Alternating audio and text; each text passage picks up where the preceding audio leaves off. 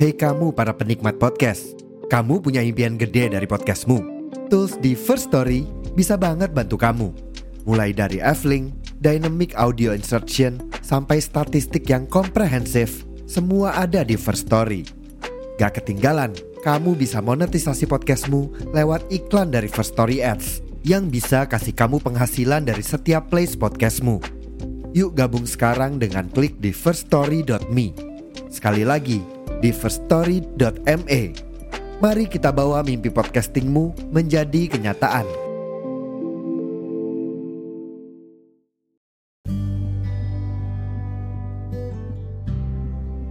Halo listener podcast Maskur, kembali lagi nih. Kita bertemu dengan teman-teman semua dan tebak bersama siapa lah kita malam ini. Tentunya bersama aku Rifka dan juga Riz. Ada bintang tamu spesial kita malam ini yaitu Kak, siapa dia namanya? Alvita. Oke, kita bersama Kak Alvita malam ini bersama Rizko dan juga Rifka uh, mau berbincang-bincang mengenai sesuatu. Nah, kali ini kalian dengerin episode Tell Us uh, bersama dengan Kak Alvita yang mau menceritakan experience-nya tentang adalah sesuatunya itu di akhir nanti. Nah, sebelum itu kita kasih mau uh, mau kasih spoiler ya Ki ya. Sebenarnya Ya. ya, sebelumnya itu kan Tell Us isinya tentang love. Betul, tentang cinta-cinta apalah itu Iya, dikhianati. toxic. Nah, Ke- kema- yang kemarin aja baru toxic ya. Mm, ada yang laki buaya dan lain sebagainya. Sekarang kita menghadirkan yang baru, yaitu Kak Alvita mau menceritakan tentang experience-nya menjadi duta. Nah, duta apa Rizko? Pasti bukan duta shampoo. Jadi Kak Alvita ini salah satu duta di kotanya dan kita akan mengurus Di- dan Kak Alvita juga mau bercerita sama kita ya. eh, bagaimana Kak Alvita bisa menjadi duta, tahu dari mana sih duta duta itu informasi dari mana, terus tugasnya apa saja kalau sudah terpilih gitu ya kan Rizko? Iya, bener banget. Apalagi eh, jadi duta itu nggak gampang kan ya. Apalagi duta pariwisata di kota Wonogiri. Nah, ya Kota kan? Wonogiri. Terus setelah Wonogiri. itu, Wonogiri itu Hmm. terkenal apa? Wa- wadunya bukan sih? Wadunya bukan sih? Wadu apa sih Waduh. kalau Wonogiri? Waduh, Gajah Mungkur. Nah, wadu gajah. Oh, Nah, itu bisa nanti tahu mungkin dong, bisa kan duta dijelasin sama Mbak Alvita kan ya. Mm. Nah, Nah, sebelumnya gimana Rizko? Tak kenal maka tak sayang ya. Mending kita Mm-mm. tanya-tanya kan kalau listener pasti pasti udah kayak alah Rizka lagi, alah Rizko lagi. Nah, yang baru kan ini bintang tamunya. Jadi kita langsung kenal lah sama bintang tamunya aja. Oke. Silakan Rizko, Nah. kamu yang bertanya deh. Oke, halo Kak Alvita. Hai, Ya. Hai. Jessica. Hai. Halo. Nah, ini Kak Alvita mungkin eh, kesibukannya apa Se- sebagai selain menjadi duta ya? Mm-mm. Oh iya, selain menjadi duta wisata, kesibukan selama ini kuliah sebenarnya. Tapi di samping kuliah itu ada ikut di organisasi lain seperti tour guide atau pemandu wisata di Kabupaten Wonogiri. Tapi tepatnya itu di pariwisata yang buatan. Oh iya iya iya. Jadi Kak Alvita ini asli Wonogiri ya? Asli kak, asli lahir di. Wonogiri, sebenarnya di Wonogiri. Tap- tapi kuliahnya bukan di Wonogiri. Bukan, kuliahnya aku di Solo. Oh, kuliahnya iya. di Solo. Ambil jurusan apa, Kak? Aku ambil jurusan Administrasi Kesehatan, Health Administration di Universitas Kusuma dari Surakarta. Ya semester sama nggak ya sama Tujuh. kita? Semester 7 oke sama teman. Oh, semester tujuh. Sudah Jadi di akhir. Jadi mengalami krisis-krisis pusing ya. Ya pusing skripsian kak. Sama. Udah dapat judul juga. udah, dapat judul skripsi belum? Alhamdulillah udah. Udah, alhamdulillah. Alhamdulillah. Nah, Alhamdulillah. tadi sudah tanya-tanya sedikit tentang Kak Alfi, eh, Kak Alvita semester 7 mahasiswa di eh, Universitas Kusuma. Aku tadi apa namanya? Universitas University. Hmm, itu. Dan mengambil administrasi rumah sakit begitu ya kak ya? Administrasi kesehatan atau rumah sakit ya tadi? Administrasi Kesehatan. Kesehatan. Administrasi Kesehatan kak. Iya. Sudah kenal sedikit-sedikit, saatnya kita langsung bertanya pada intinya dan mendengarkan eh, perjuangan dan bagaimana Kak Alvita bisa menjadi duta pariwisata Kota Wonogiri tahun 2021 gitu. Langsung dengerin aja kali ya Ki ya. Iya. Daripada Oke. kita cicat mulu deh. Oke, langsung cerita Alvita. Oke. Silakan bercerita. Oke, ini aku cerita pengalamanku selama aku jadi duta wisata dari awal pendaftaran sampai akhirnya dinobatkan menjadi duta wisata pada tahun 2021. Nah, sebenarnya tuh nggak disangka kak ikut duta wisata. Apalagi tuh ajang bergengsi di kabupaten, kabupaten kita sendiri-sendiri. Awalnya itu cuman iseng, loh kok ini ada poster? Dan posternya itu yang nyebar temenku jadi aku nggak cari informasi sama sekali. Aku cuma dapat di WhatsApp temanku kirim kamu kayaknya cocok deh di sini soalnya kamu bisa public speaking gitu. Dengan cuman satu aja modalnya public speaking nekat tuh aku daftar di duta wisata Kabupaten Wonogiri. Sebenarnya tahapannya nggak gampang di duta wisata itu ada tes tertulisnya, ada tes lisannya, dan ada tes unjuk bakat.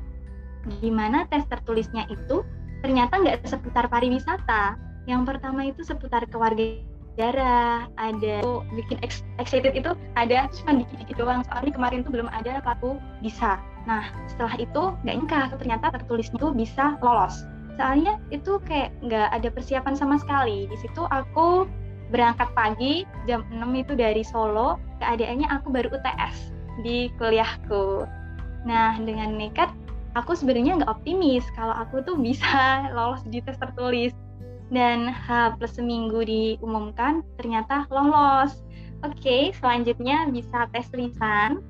Tes lisan itu ada empat juri di situ dengan uh, spesifikasi yang berbeda-beda. Pertama itu ditanyain tentang pariwisata yang kedua itu ditanya tentang uh, kewarganegaraan dan hukum. Yang ketiga itu ditanya tentang ekonomi kreatif dan yang terakhir itu ditanya seputar uh, kaitan antara jurusan dengan pariwisata. Sedangkan jurusanku itu administrasi kesehatan, nggak ada kaitan eratnya dengan pariwisata sama sekali. Cuman ditanya, kamu gimana kaitanmu antara administrasi kesehatan dengan pariwisata? Cuman aku jawab dengan singkat, administrasi nggak harus berhubungan dengan administrasi yang ada di kesehatan doang. Tapi administrasi itu kita mempelajari tentang manajemen, organisasi, kepemimpinan, dan itu bisa berkaitan dengan pariwisata, di mana pengelolaan pariwisata itu juga berkaitan dengan pengadministra pengami pengadministrasian, seperti itu. Lalu ditanya juga tentang Inggris, gimana bercerita pariwisata yang ada di Wonogiri menggunakan bahasa Inggris di mana pariwisata di Wonogiri itu nggak sedikit. Tentunya harus menghafal lah dari A sampai Z yang ada di setiap kecamatan di Wonogiri. Tapi di situ aku cuma menjawab beberapa. Soalnya gini, aku jurusanku administrasi kesehatan dan aku bukan orang yang ahli di dalam pariwisata. Sedangkan teman-temanku itu semua itu ahli dalam pariwisata dan saya juga udah kayaknya udah nggak bisa deh, nggak bisa. Tapi ternyata ditanya tentang ekonomi kreatif dan alhamdulillah ekonomi kreatif bersama IBPKK ada sedikit seluruh cewek. 250 lebih dengan kriteria masing-masing. Mereka dari universitas nama banyak yang dari negeri dan aku hanya sekolah di swasta yang nggak nggak ahli dalam pariwisata dan cuma modal nekat itu doang.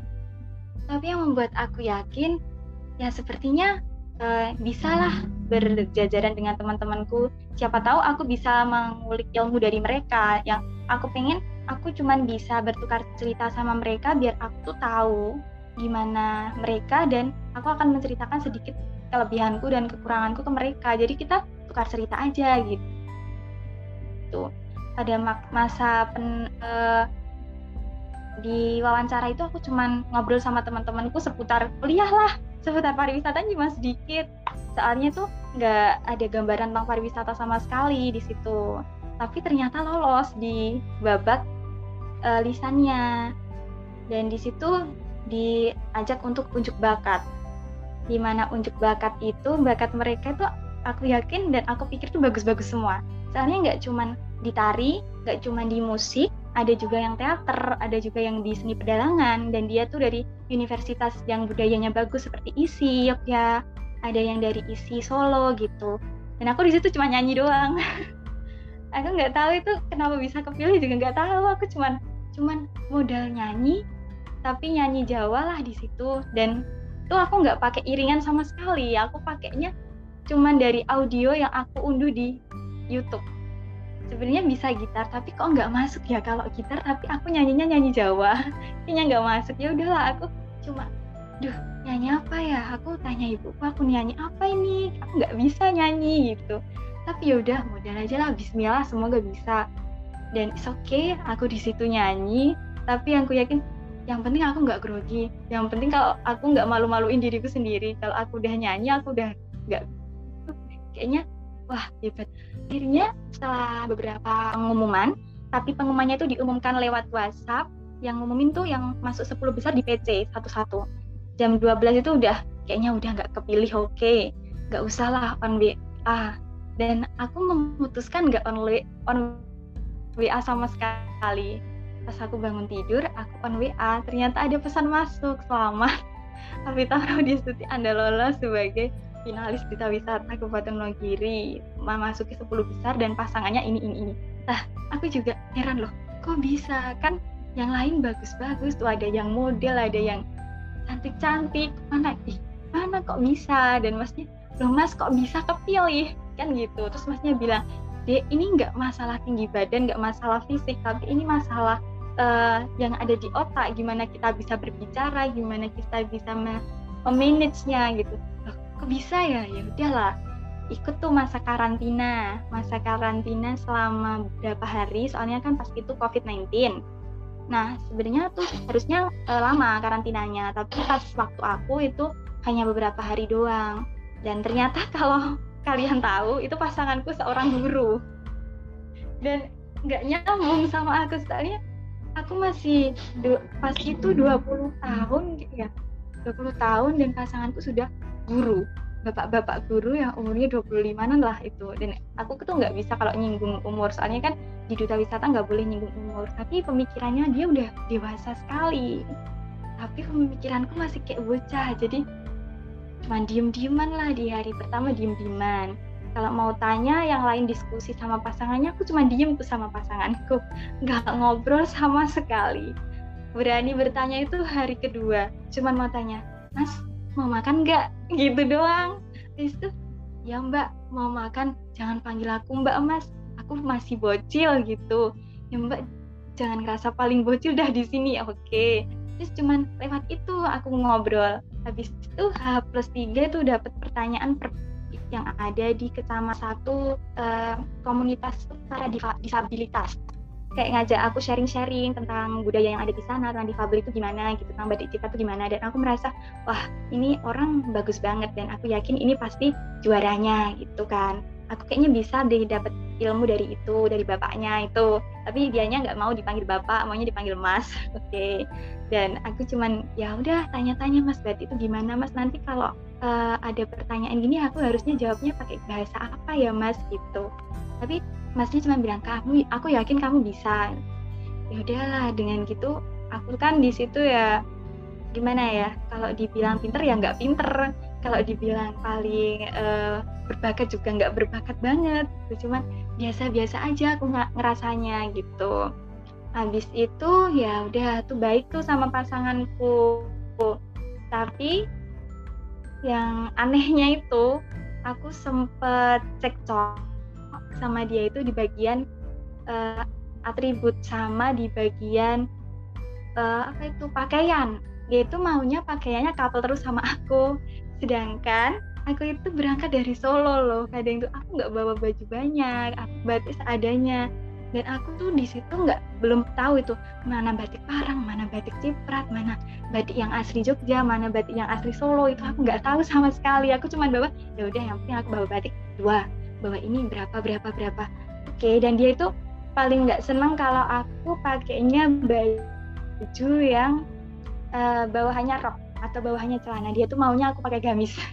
Itu terlalu kayak bagi gue tuh terlalu ih Islamnya sekali dan itu kayak aku nggak punya loh pak baju itu. Aku cumanya punya baju ini doang gitu. Dan nggak nyangkanya di pagi-pagi tuh aku dibuat batik. Itu buat aku terkesan yang satu kali seumur hidup dibatin batik sama bapak-bapak.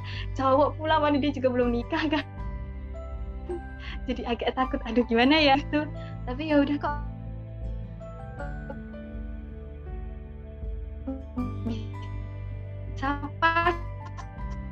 gitu loh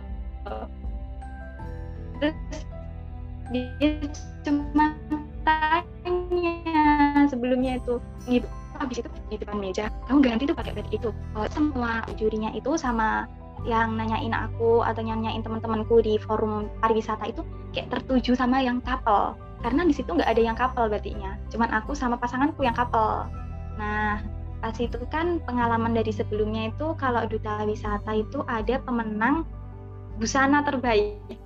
Dan aku sama pasanganku itu cuma gini kita nggak usah pinter-pinter kita nggak usah bakat-bakat kita yang penting bajunya bagus. Cuman itu doang pesennya dia. Bagunya bajunya kita harus bagus dan harus jadi pandangan buat orang-orang biar kita nanti dapet juara busana terbaik gitu.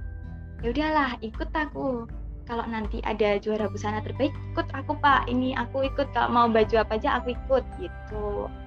Pas itu juga ada sedikit drama-drama sih pas ada masa karantina itu yang ada di kan kita juga pergi ke wisata yang ada di kecamatan Bat, Batu sama ada di Bulukerto. Di mana di Bulukerto itu kan jalannya juga agak rusak ya. Di situ kan ada pariwisata yang hidden game-nya di um, Bulukerto itu yang kita ke sana kan cuma naik minibus ya. Di mana tuh kak minibus itu buat orang banyak ya.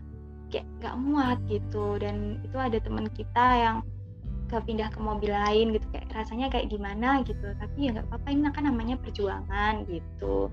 Habis itu yang nggak pernah aku lupain lain salah satu IC karena kita dituntut untuk membuat IC tapi kita itu dituntut buat IC dikasih tahunya jam 7 habis Isa dikumpulkannya sebelum subuh. Dan benar-benar itu semalam kita nggak tidur cuman ngerjain IC dan IC-nya itu harus dibuat dua. Satu dalam PDF dua dalam uh, PowerPoint di mana PowerPoint itu dikasih kriteria nggak boleh banyak tulisan. Kita harus memahami materi dan di situ kita nggak tuh kalau bisa kita pakai English lah apakahnya English Prancis dan pas itu kayak aku harus ngambil apa dengan waktu segitu cepatnya dan aku tertarik buat etno ecotourism yang kupadukan dengan pariwisata yang ada di Wonogiri. Nah alhamdulillahnya aku selesai jam 3 sehari nggak eh, semalam nggak tidur dan paginya harus ada presentasi dengan dinas pariwisata. Nah di situ tuh kayak bener-bener sama teman-teman itu cuma ada di hotel semua pada uh, lihat laptop ngerjain sendiri-sendiri kan. Karena kita nggak boleh sama jadi konsepnya tiap orang itu beda-beda dengan kelebihannya masing-masing. Dan alhamdulillah selesai walaupun itu nggak sesuai yang kita harapin gitu.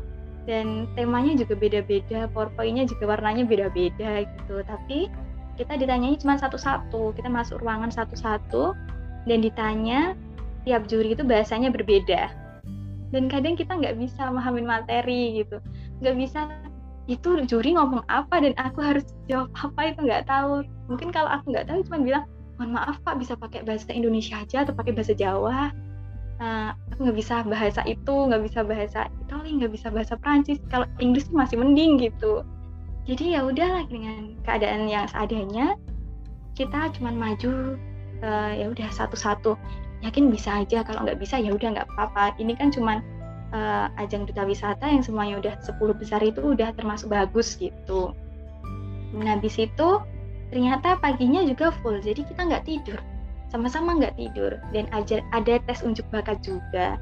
Terus di situ kita ditantang buat bisa make up sendiri bisa pakai adat Jawa sendiri entah itu sanggul entah itu berjilbab bisa pakai jarik sendiri dengan ternyata itu semua ada pakemnya gitu. Nggak harus nggak sembarangan pakai busana Jawa gitu dan ditantang untuk pakai heels dengan heels minimal 5 cm dan itu ternyata tinggi gitu. Soalnya kita biasanya pakai senang pakai heels gitu. Dengan yang rata-rata juga 7 cm semua kan tapi namanya perjuangan sih nggak apa-apa gitu. Acara sampai acara final di mana final juga didatangi oleh orang tua kita dan ya ada yang didatangi doinya juga ada yang didatengin sama teman-temannya gitu. Jadi ya seperti itulah pengalaman menjadi duta wisata. Dan sebenarnya banyak senangnya daripada sedihnya tapi di situ uh, kita bisa mengambil hikmahnya gitu. Oh jadi gini ya caranya berorganisasi sama temen. Gini caranya kita bisa atur program kerja sama temen. Oh ternyata kita bergelut di bidang pariwisata itu seperti ini. Nggak nggak sama kayak organisasi yang ada di kampus. Ternyata juga beda. Gimana kita bisa nyatu sama dinas pariwisatanya? Kita harus nyatu sama uh, bapak bupatinya. Soalnya yang yang sebelum sebelumnya itu kadang kita jalan ke A ternyata dinas menyarankan ke B dan pak bupatinya juga nggak setuju. Kadang kita beda pendapat gitu. Dan kita itu ditantang untuk sama selangkah gitu apalagi sama kakak-kakak dulunya gitu. Kita harus satu langkah gitu. Nggak bisa kalau kita jalan sendiri tuh belum bisa gitu. Harusnya sama-sama dan ya itulah pengalamanku menjadi duta wisata di Kabupaten Wonogiri sedikit cerita sih sebenarnya masih banyak yang mau diceritain gitu seperti itu Kak Rizky dan Kak Rifka Oke. Uh, tepuk tangan dulu deh tentang cerita yang Kak Alvita mengenai Duta Wisata Kabupaten Wonogiri tahun 2021. Tadi itu Kak Alvita menceritakan tentang bagaimana perjalanannya sebagai Duta uh, Pariwisata Kabupaten Wonogiri tahun 2021. Tahun 2021. Aku mau nanya deh, itu di 10 besar tuh uh, apa langsung kayak jadi biasanya kan temanku juga ikut ya di Duta Jogja. Ya. Tapi kayak ada kayak uh, finalis kelima atau juara harapan gitu. Berarti Kak Alvita ini di juara satunya Kak? Oh enggak, itu juara satunya aku di eh juara satunya itu temenku dari Universitas Gajah Mada. Oh. Ya, namanya Gita Erinda, ya. Hmm, jadi Alvita di juara harapan gitu ya berarti, tapi termasuk duta pariwisata gitu kan? Ya, soalnya ini gini, kalau udah 10 besar hmm. tapi kita mampu menyelesaikan dari awal sampai akhir hmm. itu kita jadi duta wisata tapi Baik. kalau kita nggak bisa menyelesaikan sampai tahapan akhir hmm. dan jadi kita itu bisa dinobatkan menjadi duta wisata kalau kita bisa mengikuti prosesnya dari awal sampai akhir tanpa ada suatu halangan hmm. itu dan kita lakukan grand final itu kita dinobatkan jadi duta wisata tapi kalau kita nggak bisa menyelesaikannya sampai akhir, misal kita sakit atau kita keluar ada alasan apa, itu kita nggak bisa dinobatkan jadi duta wisata. Jadi yang dinobatkan menjadi duta pariwisata itu yang kita bisa mengikuti dari alurnya dari awal sampai akhir. Jadi kita bisa mengikuti step by step gitu. Oke, okay, hmm, iya.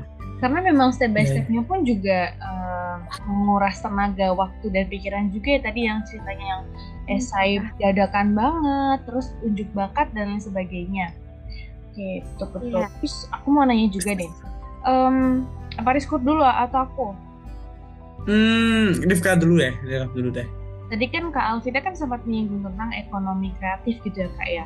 Nah berarti itu ya. uh, yang kayak gimana sih itu bentuk ekonomi kreatif yang ada di Wonogiri gitu? Berarti kan setelah setelah Kak Alvita menjadi duta kan berarti tetap uh, ada beberapa tugas gitu kan ya kak ya. Nah kalau untuk yang iya. ekonomi kreatif tuh yang gimana sih kak bentuk um, bentuknya seperti apa gitu di Kabupaten Wonogiri sendiri?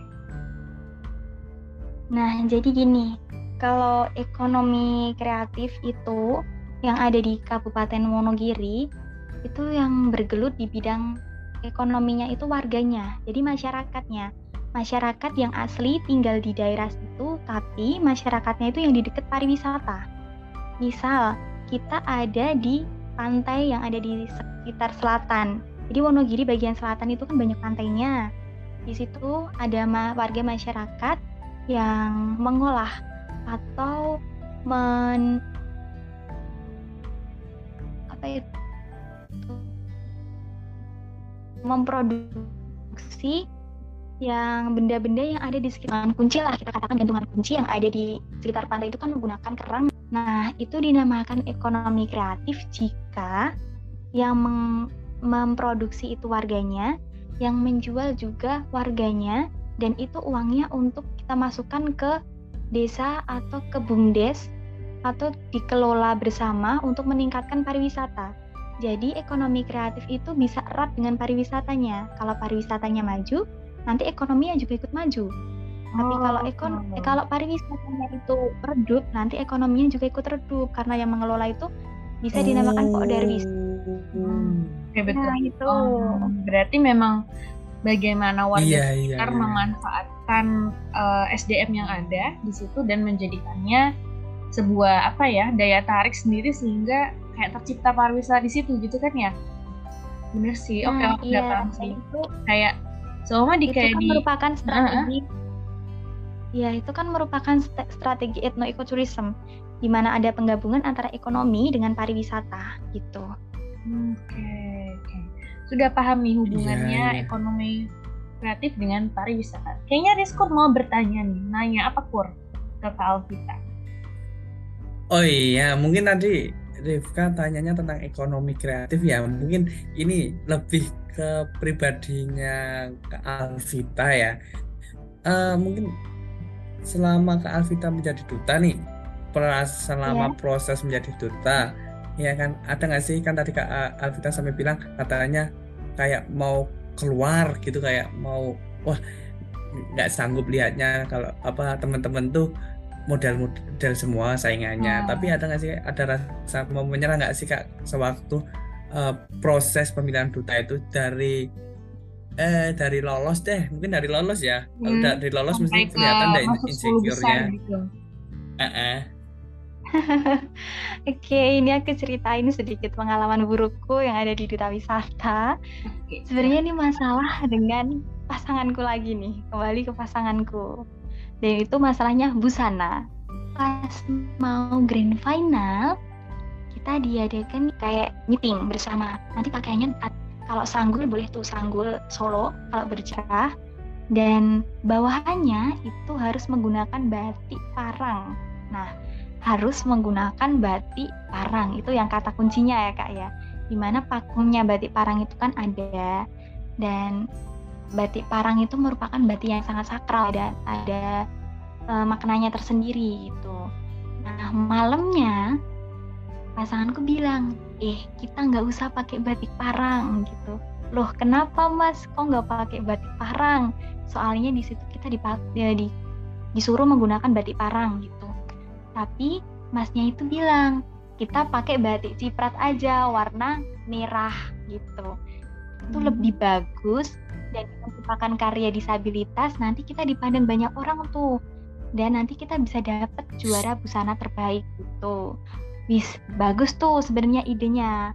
Tapi pas meeting kemarin dibilang jangan ada yang uh, pakai selain batik parang nanti bisa didiskualifikasi gitu.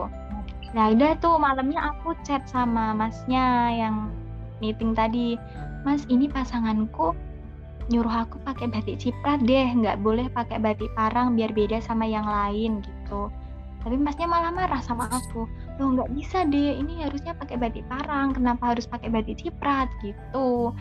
Nah, terus bilanglah aku, lah dianya pakai batik ciprat karena batik ciprat itu khasnya Wonogiri dan karya disabilitas dan itu merupakan um, karya yang sangat bagus di Wonogiri dan harus kita kembangkan loh mas gitu.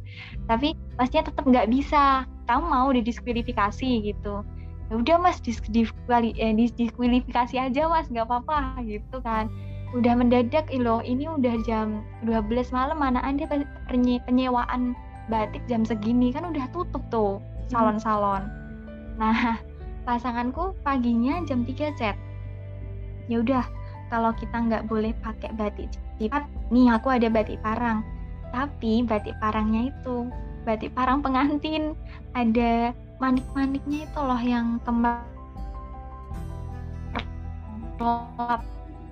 gitu. Hmm. Nah, itu juga nggak dibolehin. Di situ cuma bilang sama masnya mas nanti kalau jam segini aku udah di dinas berarti aku ikut grand final. Tapi kalau jam 8 nanti aku nggak sampai di dinas, berarti aku didiskualifikasi aja dan aku nggak mau ikut grand final. Karena aku nggak mau ribet di sini mas. Aku nggak mau membebani diriku sendiri. Aku nanti bisa join beberapa tahun kemudian. Aku cuma ngomong gitu. Dan ternyata oh. dulu kan aku pernah jadi model make up di tempat uh, deket tempatku. Untungnya dia pagi-pagi WA sama aku. Dek persiapan duta wisata udah lengkap semua gitu. Belum mbak. Kayaknya nggak jadi deh. Aku nggak dapet batiknya aku gitu. Bis itulah di uh, dipinjemin sama mbaknya. Udah nih pakai batik ini aja batik parang kan? Ya oke okay, dipinjemin. Tapi aku terlambat datang di dinasnya. Dan ternyata alhamdulillahnya aku nggak jadi didiskualifikasi dan bisa mengikuti malam grand final yang sangat istimewa itu. Asik. Oh, jadi nggak hampir didiskualifikasi ya karena tadi balik lagi ke pasangannya partnernya. Hmm, ya. Ter gitu. ternyata pasangan yang lebih tua ini ya juga apa juga memiliki pengalaman yang banyak gitu loh maksudnya tuh. Iya. Julid jangan jangan. Yang banyak mungkin ini ini tadi jadi pengalaman yang tak terlupakan yang ke Alvita juga kan ya. Ya, sampai sumpah, hampir didis sampai didiskualifikasi. Tapi ini loh Rip apa uh, teman-temanku juga juga yang duta itu cantik-cantik semua loh. Kak oh. Alvita ini juga cantik teman-temanku juga cantik. kalau di sana tuh sebutannya eh benar uh, aku boleh tanya nggak ki? Ah. Kalau di Jogja kan Dimas Diajeng ya kalau di Wonogiri apakah sebutannya kalau di Wonogiri itu Mas Mbak oh Mas Mas Mbak ya asnya jawab banget ya Mas Mbak Mas ya, oh, berarti bedanya itu di Mas Diajeng di sana Mas dan Mbak. Berarti Mas Mbak ya. kita ke pariwisata Wonogiri gitu jadi oke. Okay. Iya, kalau eh. semua hmm? pakai Mas Mbak semua. Oh, kita kan ada iya, iya. Yes. Iya. Uh, iya iya. Itu Mas Mbak semua. Hmm. Nah, syukur hey. sekarang sepertinya waktunya berpisah. Iya. Dan aku tuh masih mau nanya kayak gimana bisa yakin gitu kan soalnya kan duta kan bener-bener di exposure semua orang gitu tuh aku aja kayak ya Allah gimana orang bisa duta gitu. Aku pengen nanya beberapa hal tapi terbatas oleh waktu Rizkur juga gitu kan Kur hmm, Iya bener banget terbatas oleh waktu. Terus apa duta tuh kalau melihat ya orang-orang perfectnya ya kan bisa hmm. ini bisa itu dicari-cari semua orang nah, jadi, sih, jadi gitu? titik pusatnya juga ya kan jadi titik pusatnya gitu nah tapi sebelum nih sebelum kita closing ya ngemeng-ngemeng kan listener-listener juga pada kepo sebenarnya sebagai duta tuh punya pacar juga nggak sih? Waduh. Mbak Kalina jadi udah punya doi belum? dulu ini kan belum gur tuh belum cina nggak nggak tuh mau nanya apa tidak aneh aduh ya. dulu pas jadi duta wisata itu gini dah gini ya banyak yang diputus sama cowoknya karena kita nggak ada waktu.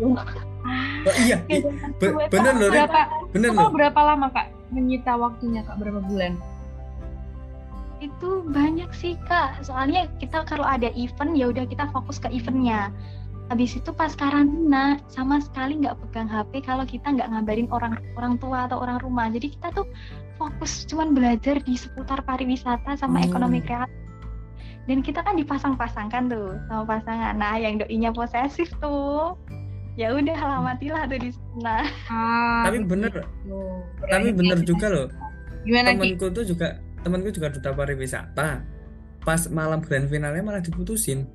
Nah ya banyak tuh. Iya benar malam grand jadinya pas emang malam, grand final? Malam grand final kan menerima apa apa hadiah apa apa kan sebenarnya yeah. doinya harusnya datang tapi malah diputusin. Lewat telepon lagi. Ya udah sama ceweknya ya udah putusin orang. Dia lagi seneng senengnya ya kan? Iya soalnya pas di hidup wisata itu gini kalau pacar oh, yang posesif, huh? mending udah nggak usah. Soalnya itu bisa menghambat uh, duta wisata lancar, oh, putusin aja pacarmu yang menghambatmu itu. Oke, oke, oke, oke. Jadi Berarti memang harus single ya, listener, listener. Iya. Enggak sekarang Jadi ada yang deket soalnya. Udah ada Ki, oh ada yang dekat. Anggap saja sudah ada kamu tuh. Ah, udah. Anggap anggap saja sudah ada ya teman-teman Iya, mungkin yang teman-teman kepo gitu. Nah, Mungkin ya gimana? ceritanya cukup menarik ya Ripka. Menarik dong, menarik sekali. Baru pertama kali sih aku tanya-tanya tentang dapat apa ya cerita gimana perjalanan menjadi duta wisata gitu ya. Nah, kalau di akhir berarti apa Rizkur ada closing statement atau quotes nih dari Kak Alvita. Mungkin Kak Alvita ya karena Hmm. ceritanya tentang Kak Alvita kita serahkan semua ke Alvita untuk quotes of the day pada episode kali ini. Silahkan Kak Alvita. Oke, what is of the day?